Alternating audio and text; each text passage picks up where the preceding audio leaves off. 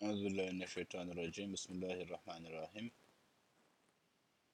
Ben Ramazan programı içerisinde Nuh suresini de yapmayı düşünüyordum. Gerçi benim ilk planıma göre biraz daha geç yapmış olacaktım. Daha ilerleyen günlerde. Fakat dün bahsettiğim rahatsızlığım tam geçmediği için Nuh suresinde de böyle teferruatıyla açıklamam gereken anahtar kavram pek olmadığı için yani biraz daha rahat konuşur, konuşur olacağım için bugün almış oldum. Genel plan çok bir genel plan veya genel alınacak dersler açısından çok bir değişiklik yok. Biz yine arkadaşların gelmesini beklerken evvela bir sureyi dinleyelim. Eğer elinizde metin var takip edebiliyorsanız hoş olur. Bismillahirrahmanirrahim.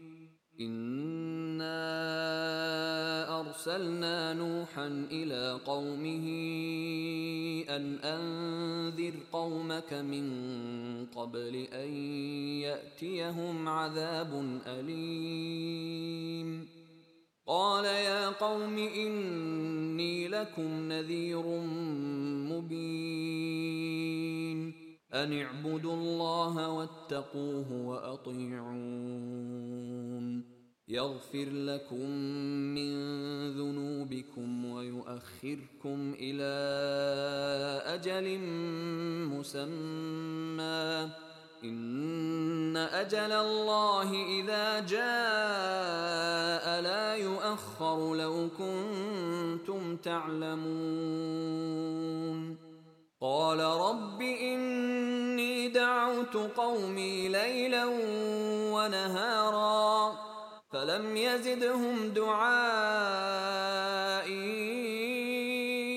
إلا فرارا وإني كلما دعوتهم لتغفر لهم جعلوا أصابعهم في آذانهم جعلوا أصابعهم في آذانهم واستغشوا ثيابهم وأصروا واستكبروا استكبارا. ثم إني دعوتهم جهارا. ثم إني أعلنت لهم وأسررت لهم إسرارا. فقلت استغفروا ربكم إنه كان غفارا. يرسل السماء عليكم مدرارا ويمددكم بأموال وبنين ويجعل لكم جنات ويجعل لكم أنهاراً ما لكم لا ترجون لله وقارا وقد خلقكم أطوارا ألم تروا كيف خلق الله سبع سماوات طباقا وجعل القمر فيهن نورا وجعل الشمس سراجا والله أنبتكم من الأرض نباتا ثم يعيدكم فيها ويخرجكم إخراجا والله جعل لكم الأرض بساطا لتسلكوا منها سبلا فجاجا. قال نوح رب إنهم عصوني واتبعوا من لم يزده ماله وولده إلا خساراً. ومكروا مكرا كبارا. وقالوا لا تذرن آلهتكم ولا تذرن ودا ولا سواعا ولا يغوث ويعوق ونسرا وقد أضلوا كثيرا ولا تزد الظالمين إلا ضلالا مما خطيئاتهم أغرقوا فأدخلوا نارا فلم يجدوا لهم فلم يجدوا لهم من دون الله أنصارا. وقال نوح رب لا تذر على الأرض من الكافرين ديارا. إنك إن تذرهم يضلوا عبادك ولا يلدوا إلا فاجرا كفارا. رب اغفر لي ولوالدي ولمن دخل بيتي مؤمنا وللمؤمنين والمؤمنات ولا تزد الظالمين إلا تباراً. Bahsetmiştik daha önceden. İnsan yeryüzüne imtihan için gönderilmiştir. İmtihan kelimesi kulaklarımızda ve gönüllerimizde biraz eskidiği için ben aynı kelime için, aynı kelime yerine, aynı anlam için deney kelimesini tercih ediyorum. Deney yani tecrübe. Tecrübe de mesela Risalelerde imtihan için kullanılan başka bir kelimedir. Tecrübe etmek, denemek. Ben yine de deney diyeceğim bitkilerle veya hayvanlarla yaptığımız deneylere biraz benzer, biraz farklı olarak Allah insanı gelişmeye açık bir surette yaratmıştır. Eğer isterse, iradesini kullanırsa hayvaniyetten bütün tamamıyla çıkar. Yani biyolojik olarak çıkmaz da ruh ve zihin olarak çıkar. Hakiki insan olma ufkuna ilerler ve cennete layık bir hal alır. Bu imtihan fertler için geçerli olduğu gibi bir ferdin içinde yer aldığı toplumsal düzenler, ülkeler, beldeler içinde geçerlidir. Yani bir insan yanlış tercihleriyle belli noktalardan sonra doğruya gitme imkanını bütün bütün kaybedebilir. Aynı şekilde de bir ülkedeki, bir şehirdeki yaşayan insanlar o yanlış tercihleri beraberce üst üste çokça yaparak artık o kavmin, o toplumun, o milletin bir daha hidayete erememesini garantilerler. Böyle bir durumda dünyadaki insan hayatının esası o imtihan olduğu için Allahu Teala o toplumların, o kurumların, o milletlerin, o ülkelerin neyse tamamen silinmesi. Yani kötü gitmiş sonuç, deney sonucunun çöpe atılması gibi.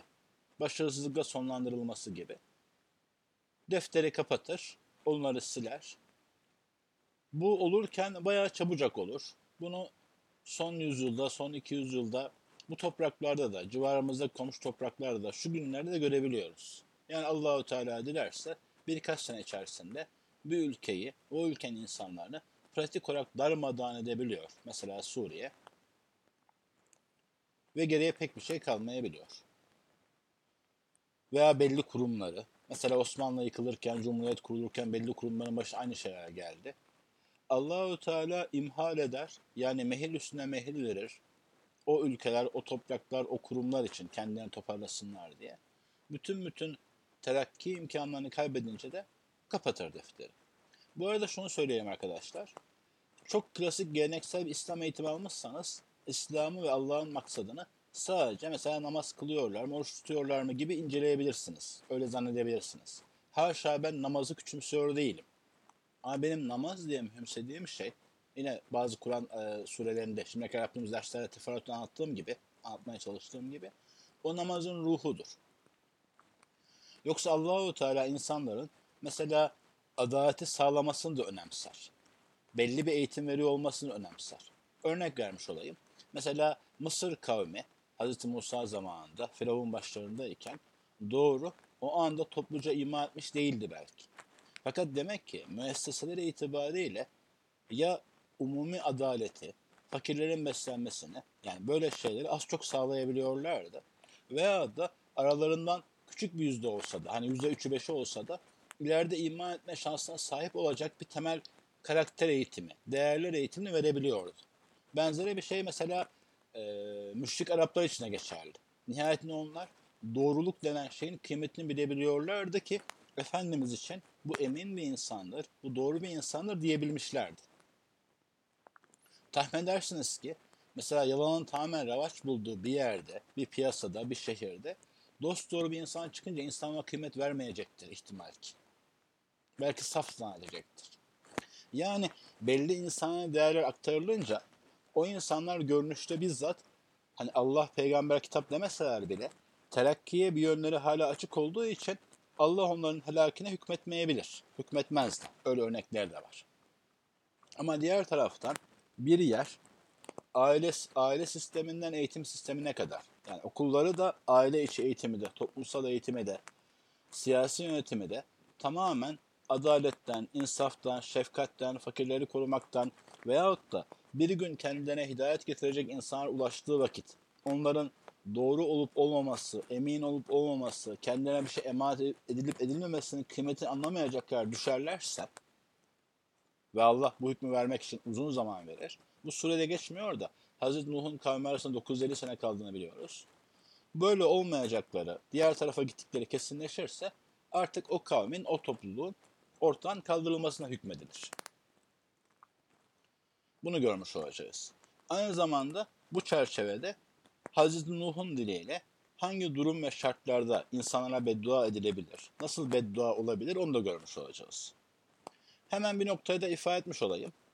Ee, Orta Çağ yorumları, bilhassa Hristiyanlık kökenli yorumlar, Hazreti Nuh'un tufanın tüm dünyayı sardığı görüşündedirler.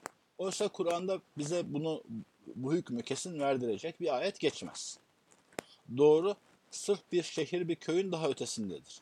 Ama mesela eğer o zaman insanların büyük çoğunluğu mesela Orta Doğu'da yaşıyorsa diyelim ki sadece Orta Doğu'yu yani Mısır'ın birazı ve işte Anadolu'daki İran'daki dağları düşünün. O dağları aşağısına kalan tüm alçak alanı kapsayan bir tufan da olmuş olabilir. Yani Kur'an belli Kur'an'dan belli bir genişliği olduğunu anlıyoruz ama illa da tüm dünyayı kaplamış bir tufandır diye hükmetmemiz gerektirecek bir sebep yok. Bunu da ifade ettikten sonra şimdi ayet ayet geçmiş olalım. Bismillahirrahmanirrahim. İnna arsalna Nuhan ila kavmihi en enzir kavmeke min qabli en ye'tiyehum azabun alim. Biz Nuh'u da gönderdik kendi kavmine. Onları inzar etsin diye. En ennedir kavmeke min kabli yani sizin zamanınızdan daha önce olmuş olan bir şey bu. En ye'tiyehum azabun elim. Pardon. min kabli yanlış yorumlamış oldum.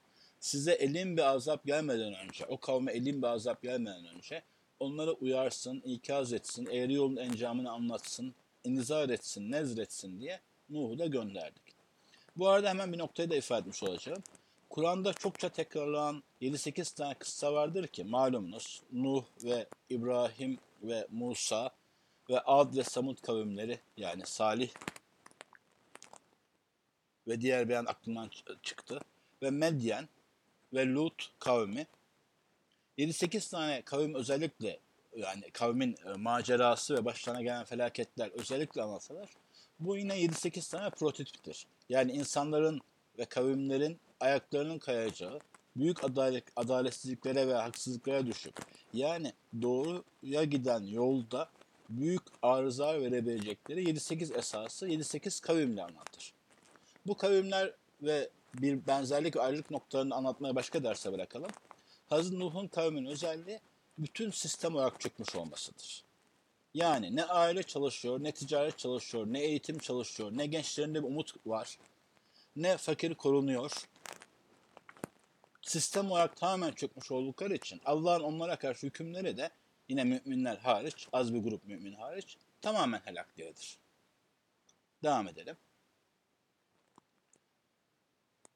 قال يا قوم إني لكم نذير مبين أن اعبدوا الله واتقوه وأطيعون يغفر لكم من ذنوبكم ويؤخركم إلى أجل مسمى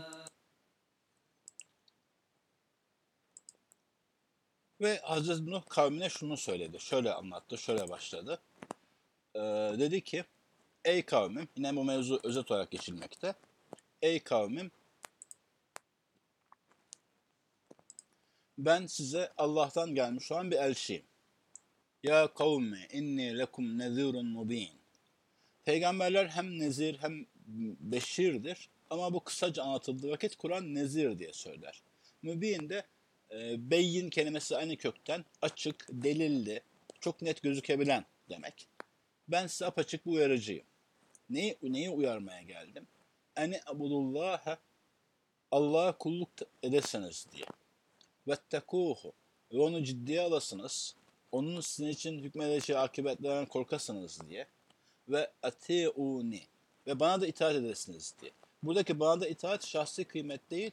Sonuçta Allah'ın mesajını ileten olduğu için ona itaat, Allah'a itaat etmek demektir. Bu Efendimiz için de geçerlidir. Çünkü mesajın taşıyıcısı odur. Ve bunları yaparsanız, yani Allah'a ibadet eder ve iş ve muamelelerinizde ondan çekinmek, ondan gelecek bir hükümden korkmak üzerine hareket eder ve gönderilen Resul'e itaat ederseniz يَغْفِرْ لَكُمْ مِنْ ذُنُوبِكُمْ Sizin sair günahlarınızı bağışlasın ve ve yuahhirkum ila ecelin musamma ve sizi yine belli bir ecele kadar e, ertelesin. Şu manada arkadaşlar, sonuçta kimse bu dünyada ebedi kalacak değil. Bu cümlede şöyle bir tehdit de var. Sizin için normal olarak takdir edilmiş bir ömür var. Eğer itaat ederseniz. Sizin için ve kavminiz için ve milletiniz için bir ömür var. Ama itaat etmezseniz şer bir haldesiniz. O ömre göre tayin edilmiş başka bir kısa ömür. Azapla size gelecek. يغفر لكم من ذنوبكم ويؤخركم إلى أجل مسمى. إن أجل الله إذا جاء لا يؤخر لو كنتم تعلمون. İnne ecelallahi Allah'ın takdir ettiği son ecel acil kelimesinin aksine ertelenmiş demektir kelime manası. Acil çabuk olan ayınla yani. Ecel ise sonra olan. Tek başına ecel diye bahsedildiği vakit Allah'ın bir işin sonu için takdir ettiği vakte denilir. Bu takdir etme yine tamamen muallakta Allahu Teala'nın keyfe yaşa takdiri değil, bizim de fiil ve amellerimize bağlı bir takdirdir ki demin bunu ifade etmiş oldum. Yani Hazreti Nuh kavmine siz itaat ederseniz şöyle olacak, itaat etmezseniz böyle olacak. O seneleri o seneleri ben e, tayin etmiyorum. Ha, bilmiyoruz belki ama o şekilde farklı eceller olduğunu biliyoruz. Ama ki Allah'ın o takdiri geldi vakit, vakit inna ecelallahi izâ câe la yuahhar.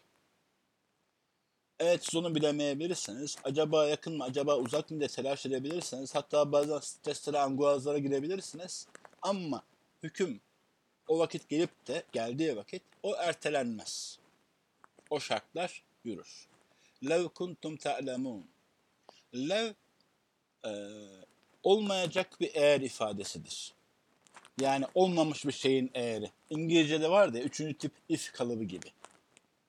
Yani siz bunu bilmiyorsunuz ama keşke bilseydiniz. Eğer bunu bilmiş olsaydınız sizin için çok iyi olurdu. Ama bilmiyorsunuz ve sanki öğrenmeye niyetiniz yok gibi Gibi mealdi.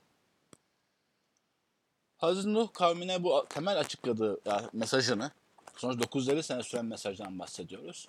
Özeti burada zikrediliyor. Ve belki bu işin sonlarına doğru Hazreti Nuh'un Rabbine bir duası var. Halini beyanı var.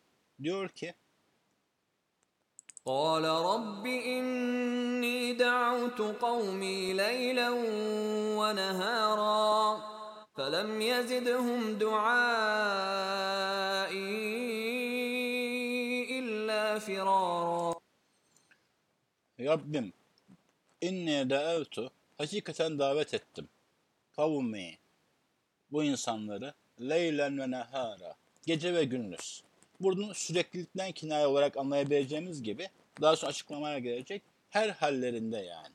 Yalnızken, topluluk içerisindeyken, onlar belki daha neşeliyken, daha hüzünlüyken, matem günlerinde, düğün günlerinde her hallerinde gittim. O hale uygun biçimde davet etmeye çalıştım.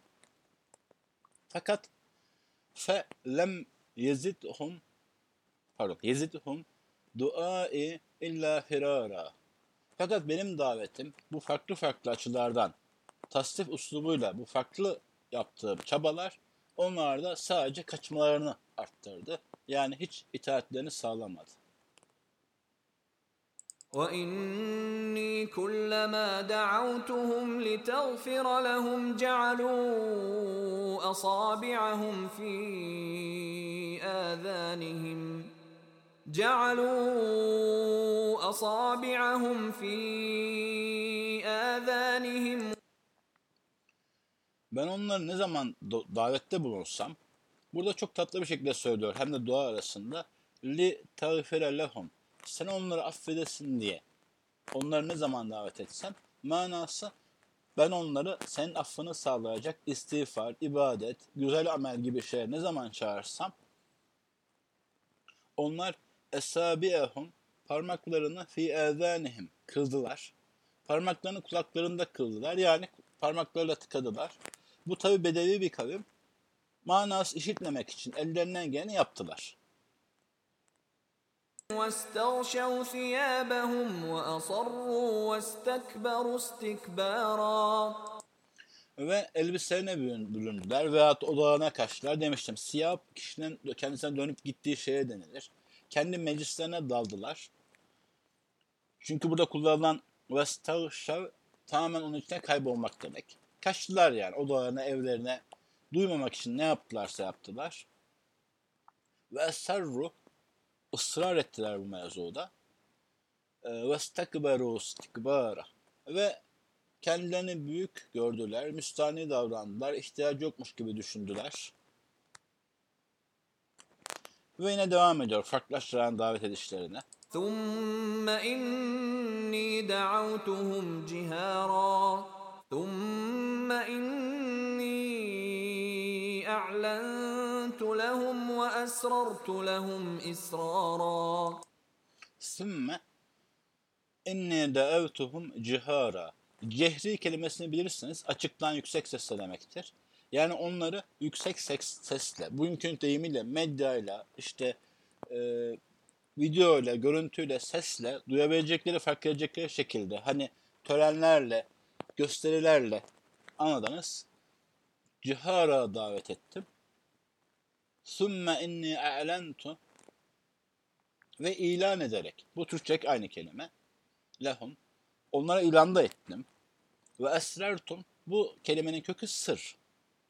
Sır olarak ve esrertu lehum israra, israra yani kendi başına kaldıkları zamanda gittim. Özel ilgi de gösterdim. Başkalarının ulaşamayacağı yerlerde ulaştım Hususi davetlerde de bulundum. Ve onlara söylediğim mesajı bir defa daha özetleyecek bize. فقلت استغفروا ربكم إنه كان غفارا Nuh'un kavmi her açıdan hataya düşmüş bir kavim olduğu için onlara söyleyecek en güzel söz bu olduğu gibi. Yani dedim ki onlara فَقُلْ تُسْتَغْفِرُوا رَبَّكُمْ Rabbinizden günahlarınızın bağışlanmasını isteyin. Bunu iki kelimeye bağlı. Bir, kendinizin günahkar olduğunu fark edin. Öbürü de innehu kâne gaffara. Allah'ın çokça bağışlayıcı olduğunu da bilin.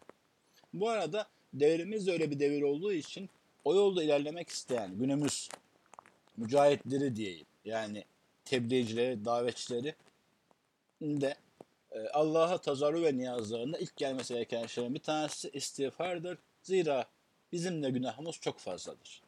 Ve bu arada yine o kavim biraz daha zihni ulvi şeyleri alamadığı için söylediği şey yanlış değil de vurgu itibariyle şöyle devam ediyor. يرسل السماء عليكم مدرارا semayı size yardım için göndersin. Bol hayır için göndersin. Bol yağmurla göndersin. Ve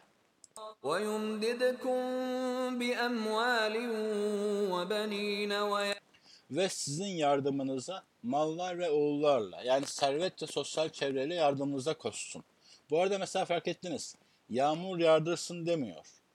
Yursilus sema'e aleykum midrara semayı sizin için teshir etsin. Semayı size göndersin. Çünkü Allah-u Teala öyle bir sultandır ki semada bulutlar da onun emir elidir. Fakat Hazreti Nuh bulutları bile demiyor. Allah'ın rahmetinin genişliğini gösterme tüm semayı diyor. Ve yine size mallar ve oğullar verir demiyor. Ve yumditkum size medet etsin. Size imdad etsin. Size yardımcı olsun.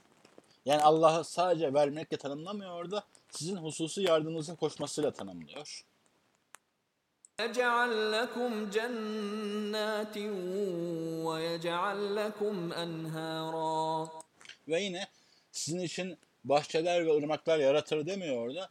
Size mahsus kılar cennetleri ve ırmakları diyor. Burada fark ettiyseniz ulvi nimetlerden az bahsedilmiş. Daha çok dünyevi nimetlerden bahsedilmiş.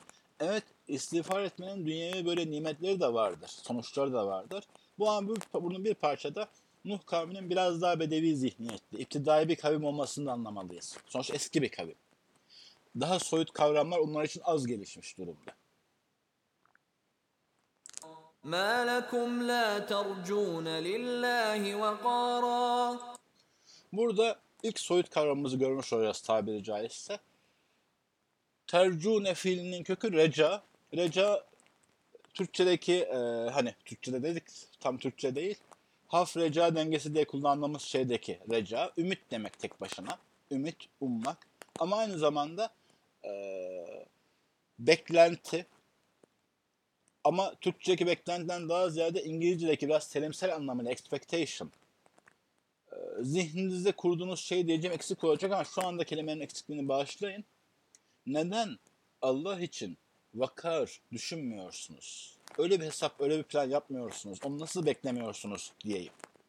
Yani buradaki vakar, kelime vakar da Allahu Teala niye değer vermiyorsunuz? Neden onun da büyüklüğünü görmezden geliyorsunuz gibi tercüme edilebilir çat pat. Ve sonra Allahu Teala'nın efalini anlatacak o kavmine. وقد خلقكم أطوارا Okey. Vakat halakakum e, etvara sizi tavır tavır kelime kökü o da e, halden hale geçirerek yaratmıştır o sizi. İster en basitinden hani çocukluktan yaşlılığa giden yolu görün. İster az çok biliyorsanız cennin gelişmesini görün. İster en başından beri insanlığın gelişmesini düşünün. O sizi tavır tavır yaratmıştır. ألم تروا كيف خلق الله سبع سماوات طباقا Görmüyor musunuz, fark etmiyor musunuz? Yedi göğük ki Allah tabaka tabaka yaratmıştır. Buradan da yine aslında alt başlık Nuh kavminin az çok biraz iptidai düzeyde olsa bir astronomi bilgisi, yıldızları, gezegenleri hani o zaman görülebilen, teleskopsuz görülebilen gezegenleri, yıldızları gözlemeden anlayabiliyoruz ki semanın yedi kat olduğuna dair fikirler olabilsin. Ama burada mutlak olarak Allahu Teala'nın yaratılışının, yaratılışının çeşitliliği, den Allah'ın azametine dair delilleri saymış oluyor. وجعل القمر فيهن نورا وجعل الشمس سراجا Ve Allah sizin için kameri bu yedi tabaka içerisinde bir yerlerde nur kılmıştır, bir aydınlık kılmıştır. Ve ceale şemse sirac. Ee, güneşi de bir lamba kılmıştır. Bu arada malumunuz Küçük bir espri bu mevzuda. Çok önemli değil ama ben yine tatlı bir espri. Siraç mana itibariyle kendinden ışık kaynağı anlamına gelir. Lamba tercümesi o yüzdendir. Nur ise kendinden veya değil aydınlık demektir sadece. Kamer için nur ve şems için, güneş için siraç kelimesi kullanılmıştır. Vallahu enbetekum minel ardı nebata. Bu ayette çarpıcıdır. Allah sizi bitki gibi büyüttü. Allah sizi arzda, bu topraklarda, dünyada bir bitkinin büyümesi gibi büyüt- büyüttü. Bunun insanın ve diğer canlıların aşama aşama yaratılışına delil olma noktasını dinleyenlerin en azından bazılarının e, zihinlerine havale etmiş olacağım ama şu anda o teferruata girmeyeceğim. ثم يعيدكم فيها ويخرجكم إخراجا Ve Allah vallahu enbetekum minel ardı nebate Allah sizi bu arzdan bir bitkiyi büyütür gibi çıkarttı. Ve aynı şekilde de sümme yu'idukum sizi o arza iade edecek Buradan şunu düşünebilirsiniz. Bir bitkinin tohumlarının geri arza dönmesi gibi. İade edecek fiha oraya ve yuhricukum ihraca. Sizi bir ihraçla bir çıkarışa çıkaracaktır. En azından bari o bitkilerin tekrar tekrar toprağa girip tekrar çıkmalarını düşünün. Oradan da en azından haşre Allah'ın topraktan yarattığı asıl mahiyet itibariyle yani bu arz üzerine yarattığı insanın da öyle bir çıkarırsa çıkarma Allah'ın kadir olduğunu bilin. Vallahu ceale lekumul arda bisata Allah sizin için ardı, arzı, bu yeryüzünü bir sağ yapmıştır. Kelime kökü itibariyle sizin için genişletmiştir. Yani siz burada rahat ve ferahsınız. Veya sizin için bir bostan kılmıştır. Size lazım olan şeyleri oradan yetiştirirsiniz. Veya sizin için bir sergi kılmıştır. Yani bir pazara gelmiş gibisiniz. Size lazım olan şeyleri alabiliyorsunuz. Bu arada yine ayetlere dikkat ederseniz Bediüzzaman'ın da bazı örneklerini nereden almış olduğunu görürsünüz. Ben bazı dedim aslında hepsini neredeyse Kur'an'dan aldığına işaretler size gösterebilirim. Öyle bir ders olsa. Hakikaten Bediüzzaman Kur'an'ı çok güzel okumuş ve Türkçeleştirerek diyeyim ve biraz daha hani örnekleri zenginleştirerek anlaşılacak hale getirmiştir. O manada o Risale örneklerini iyi biliyor olmak Kur'an'ı da iyi anlamaya bir adımdır diyebilirim. Tek adımdır demem ama güzel bir adımdır. لتسلكوا منها سبلا فجاجا ve suluk edesiniz, gidebilirsiniz diye litesluk litesluku minha. O arzda siz gidebilirsiniz diye. Bu arada unutmayın arkadaşlar, suluk gitmek demek olduğu gibi bizim meslek dediğimiz yani e, daha geniş gidişlerin, daha soyut gidişlerin de kelime kökeni gidebilirsiniz de minha subulen ficaca. Subul, sebil kelimesinin, yol kelimesinin çoğulu. Ficaca da genişliğe vurgu yapıyor sizin ister yeryüzünde rahat hareket edebilmeniz için ovalar, yollar bulunması, ister her biriniz için ayrı bir meslek, ayrı bir geçim kaynağı sağlayacak imkanlar bulunması, bunu yine farklı farklı anlayabilirsiniz. Bu arada Kur'an Hazreti Nuh'tan alıntı yaparken aynı zamanda e, Allahu Teala'nın farklı yaratma mertebelerini, haşre dair bir temel delili, Allah'ın nimetlerinin genişliğini de kısa sayılabilecek 4-5 cümle veya satır içerisinde özetlemiş de bulunuyor. Yani Hazreti Nuh kavmine bunları anlatı derken bize de tekrar anlatılmış oluyorlar. Ve sonra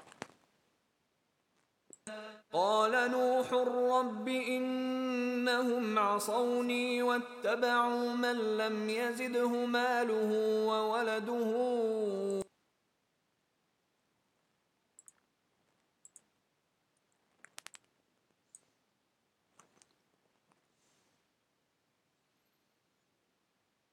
ve Nuh dedi ki Rabbi innehum essevni Allah'ım onlar bana itaat etmediler, isyan ettiler. Yani beni dinlemediler, kulak astılar.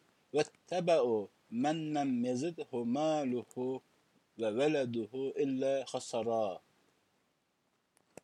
Onlar bana itaat etmediler. Kendi kavimleri içerisinde kendisine mal ve evlatlar, sosyal ve maddi imkanlar verilmiş kişinin peşine düştüler. Ama bu kişi öyle bir kişi ki bu nimetler onun ancak hüsranını arttırmış. Dolayısıyla ona tabi olanların da ancak hüsranını arttırıyor. Evet insanlar böyledirler. Böyle bir temayül var. Nedense hakikate tabi olmak yerine maddi imkanları geniş, sosyal imkanları yüksek, halk nezdinde itibar gören ve o yüzden halka mal veya imkan, derece, işte mertebe, memuriyet farklı zamanlar için konuşuyorum. Verebilecek kişilerin peşine düşerler.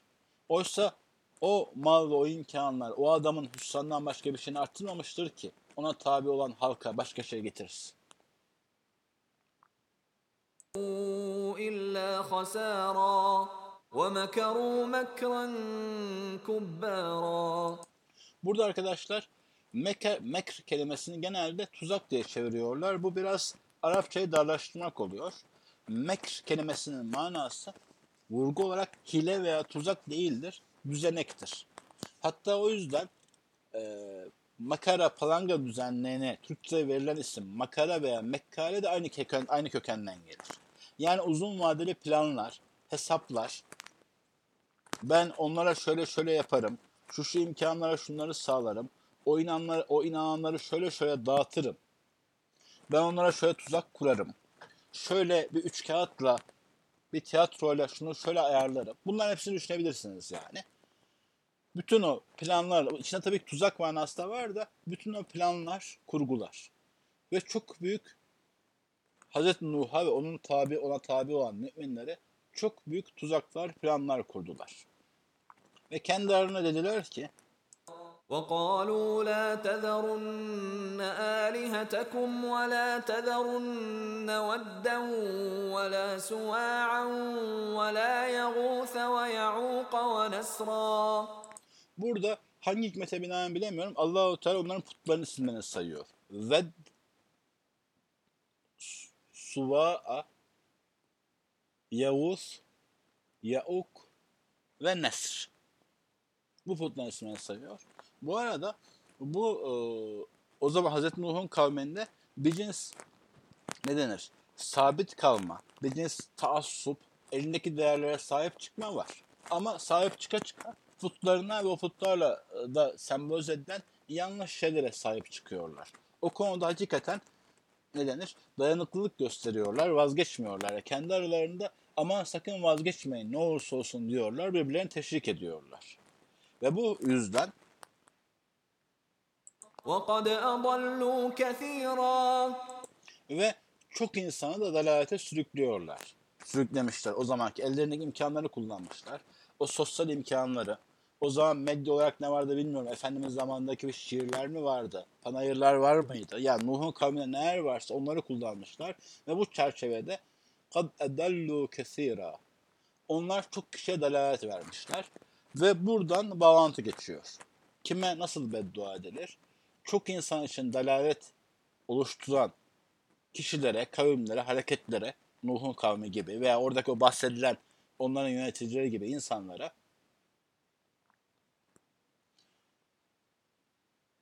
diyor ki Hazreti Nuh وقد أضلوا كثيرا ولا تزد الظالمين إلا ضلالا من bu durumda Allah'ım sen de o zalimler için ancak dalal arttır.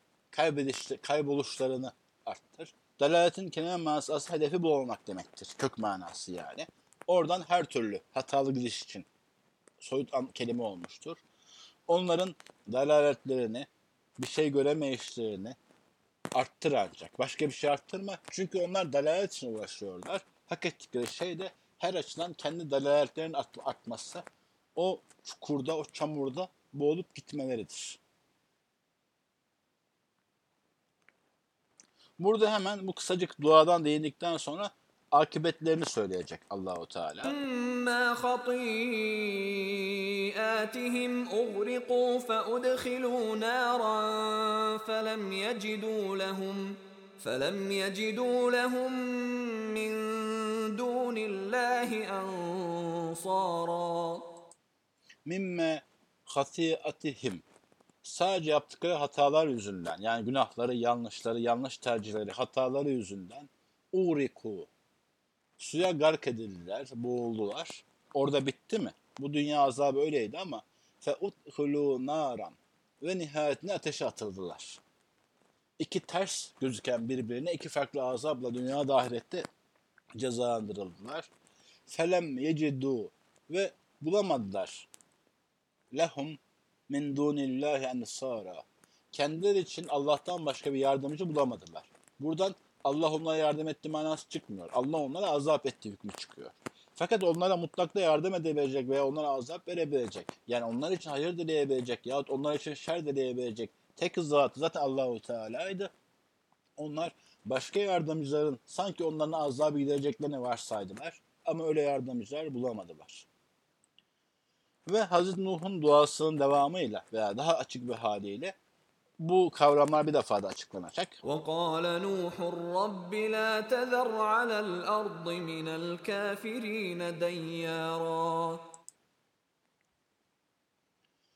Hazreti Nuh dedi ki Rabbi la tezer Allah'ım hiç bırakma alel ardi arz üzerinde Bu arada arkadaşlar arz kelimesi hem toprak anlamına gelir hem tüm dünya anlamına gelir. Ya toprak derken bizzat hani bahçe toprağı gibi toprak.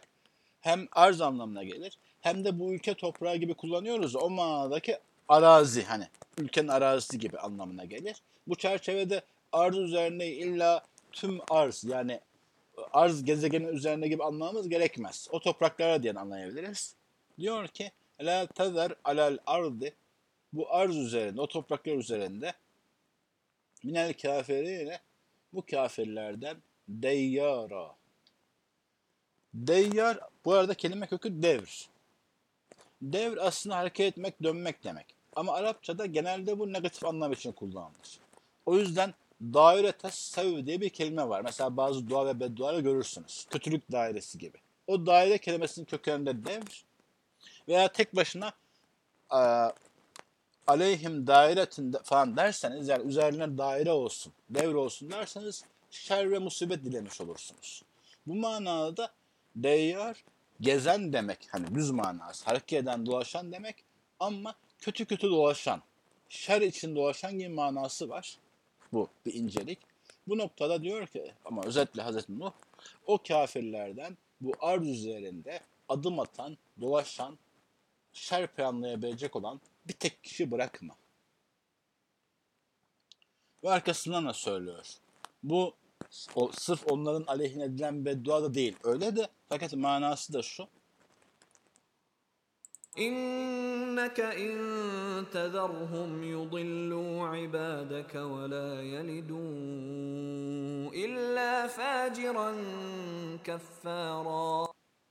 Zira inneke en in tezerhum eğer onlardan bir iki kişi bile bıraksan yani bir grup sağlam bırakırsan geriye yüdüllu ibadeke senin kullarını yoldan çıkartırlar. Yani onlarda öyle bir aldatıcılık, öyle bir hani etki mekanizmaları veya öyle insan nefisine hoş gelen şeyler var ki onların sağ ve sağlam kalmaları Allah'ın kullarının imtihanı kaybetmesine yol açıyor. Dalalete düşmesine yol açıyor. Bu manada eğer siz hani çirkefe şefkat ederseniz mazluma, masuma e, şefkatsizlik etmiş olursunuz.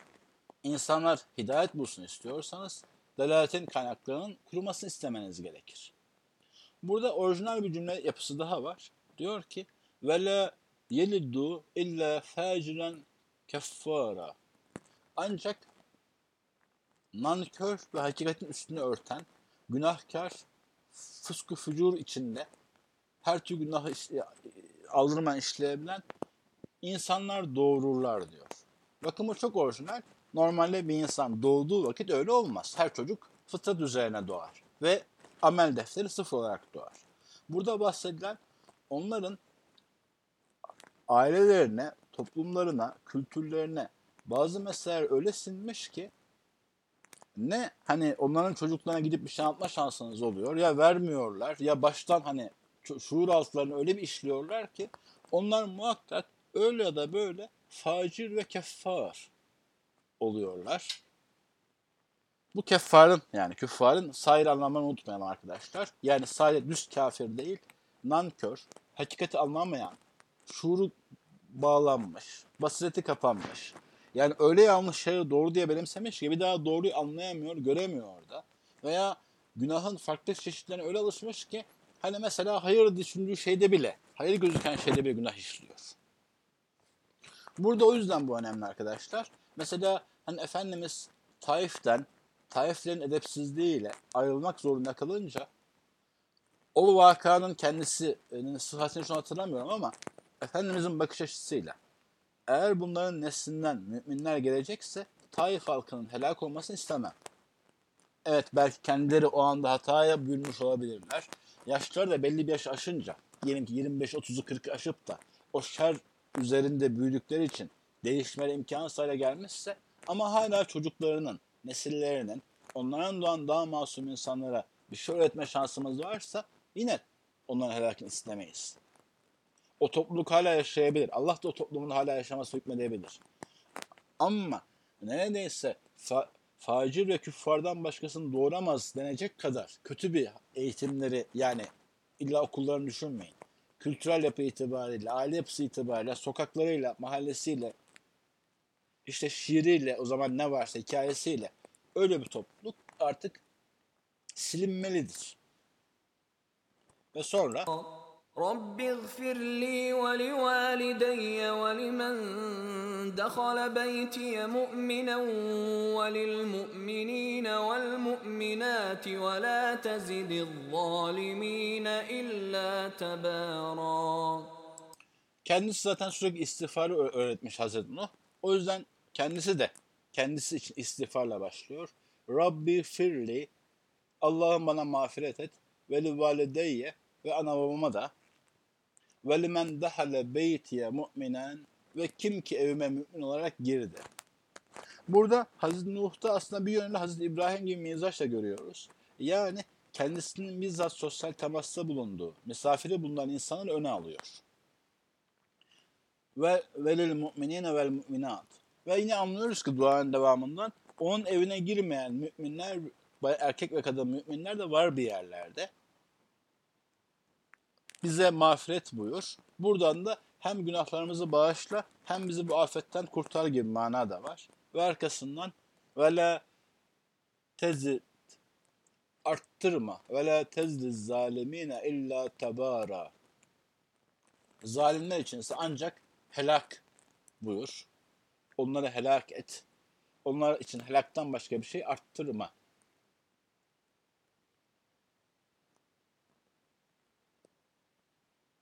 Şimdi arkadaşlar bugün demiştim bir hastalığım devam ettiği için görece daha az konuşacağım. Daha doğrusu daha ince manaları anlatmak zorunda kalmayacağım bir dersi seçeceğimi seçtim demiştim. Evet Nuh suresi Ramazan programı içerisinde vardı ama asıl birkaç gün daha sonra düşünüyordum. Biraz öne almış oldum. Şimdi yine tahminine göre biraz daha erken bitmiş oldu. Eğer varsa hızlı bir iki soru, soru cevaplayabilirim. Demin sormuş soru gördüm. Orada zannederim bir yanlış anlaşılma olmuş. Ee, o cümle o duanın devamı değil. Yani e, 24. 25. ayetlere geçmiş olan şey. Sen onların dalaletini ancak arttır dedikten sonra onları cehenneme at diye hususi dua ediyor değil Hazreti Nuh. Ama kafirin ka- küfrü üzerine helakını istemek onların zaten cehenneme gitmesi istemektir. Yani biz aman falanca cehenneme gitsin demeyiz şu manada. Herkes hidayetini isteriz. Ama hidayete ulaşamayacağı kesinse e, o zaman e, başkasına zarar vermesin. Bu zulmü ve küfrü üzerine helak olsun gitsin. O manada cehennemin dibine gitsin yani. O yani hidayete için mahal yoksa. Unutmayın Hazreti Nuh bunu e, 950 sene sonra söylüyor.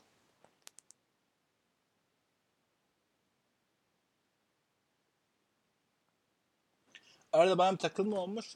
Az ayrıntı diye bahsettiğim şey mesela fitne gibi. Mesela işte e, siyab gibi bazı kavramlar. Mesela özellikle Müzzemmil suresinin başında, Müddessir suresinin başında o kavramlar üzerine biraz daha teferruatla durduk.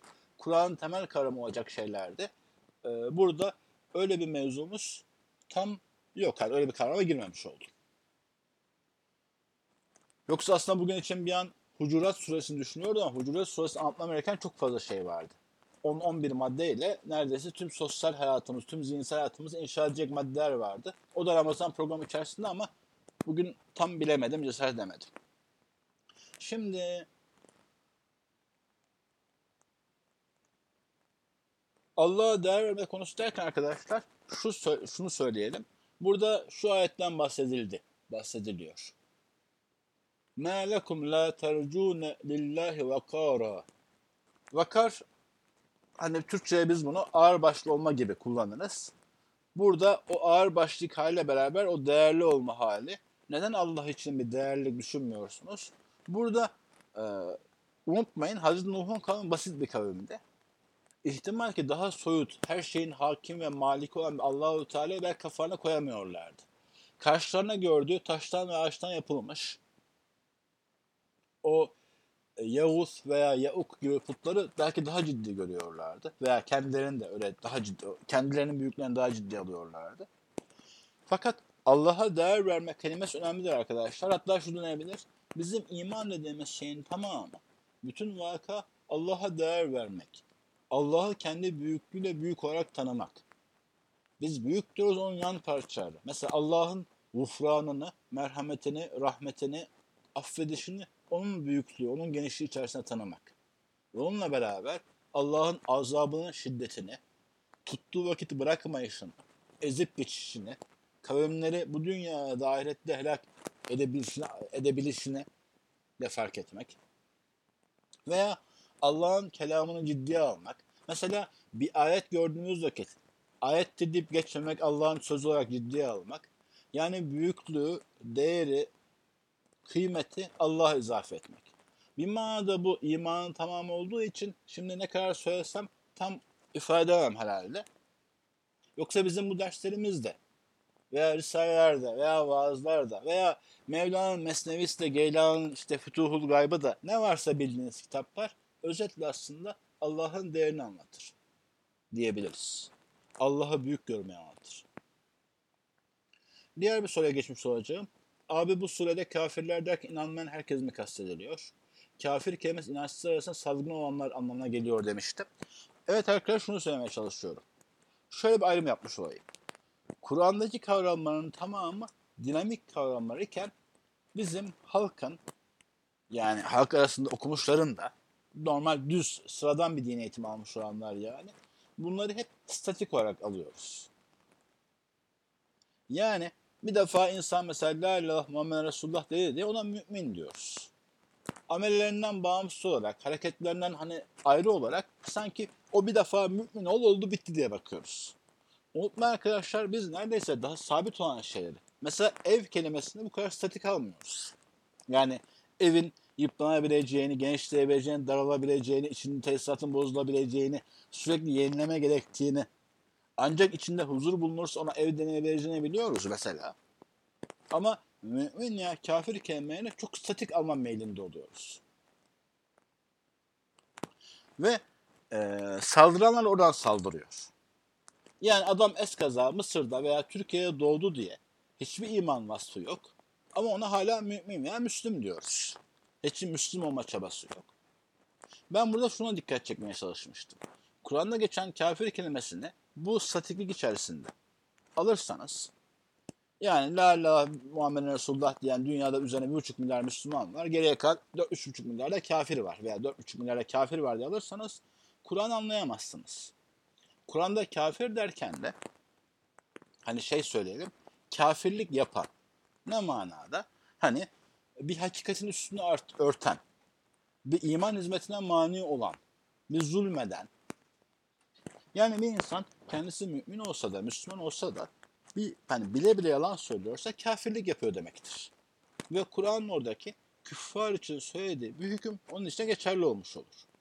Bediüzzaman bu mevzuyu bir Müslümandaki her sıfat mümin sıfat olması gerekmez veya bir kafirdeki her sıfat kafir sıfat değildir diye girişini yapmıştı. Yine Bediüzzaman hani benim söylediklerime göre daha arada bir cümle kullanıyordu. Kullanıyor. Sıfatlar da çünkü genelde şeydir, statiktir. Ben size sıfat kelimesinden daha ötesini söylüyorum. Yani biz bir günümüz içerisinde, 24 saat içerisinde ara ara kafirlikler yapıyoruz. Bakın bu bizi dilden çıkarıyor demiyorum. Yani gösterdiğiniz bir anlayışsızlık, bir insafsızlık, bir kabalık bir yönüyle bir kafirlikti. Ve o çerçevede Kur'an'ın o mevzuda geçmiş olan kafir de ifadesindeki ithama maruz kalabiliriz. Kalırız yani. Kalabilirizden kalırız. Ben orada özellikle bu kafir derken hani Kur'an inançsız arasındaki saldırganları kastediyor gibi bir şey söylemedim. Dedim ki bu mevzuyu sadece onları e, şunlar kafir diye almayın. Allah-u Teala ona azap söylemesinin sebebi adamın eskaza la ilahe Muhammed Resulullah söylemesi değil. Ya orada aktif olarak bir mümine zulmetmiştir. Yahut bir hakikatin üstünü kapatmıştır. Dinlemezden gelmiştir. insafsızlık etmiştir. Zulmetmiştir. Yalan söylemiştir.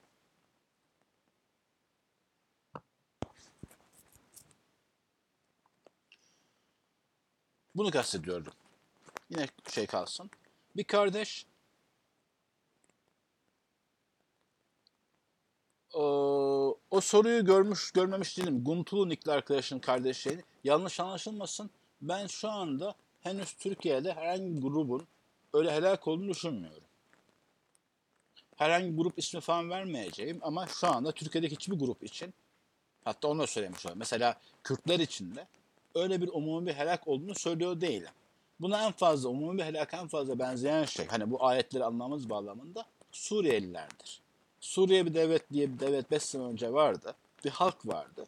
Şimdi yine e, Esad yönetiminde bir grup, bir devlet hala var da. Ama pratik olarak Suriye halkı, Suriye medeniyeti, Suriye kültürü dediğimiz şey bitti. Evet belki tufan olmadı ama ben daha çok bu e, sureyi umumi Kur'an'ın maksatları çerçevesinde aldım.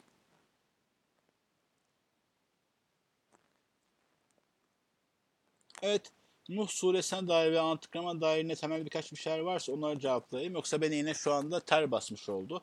Görece rahat kullanıyor olsam da, konuşuyor olsam da çok aşırı rahat değilim. Ama yine de Nuh suresine dair, antikramıza dair varsa birkaç soru yine cevaplayabilirim.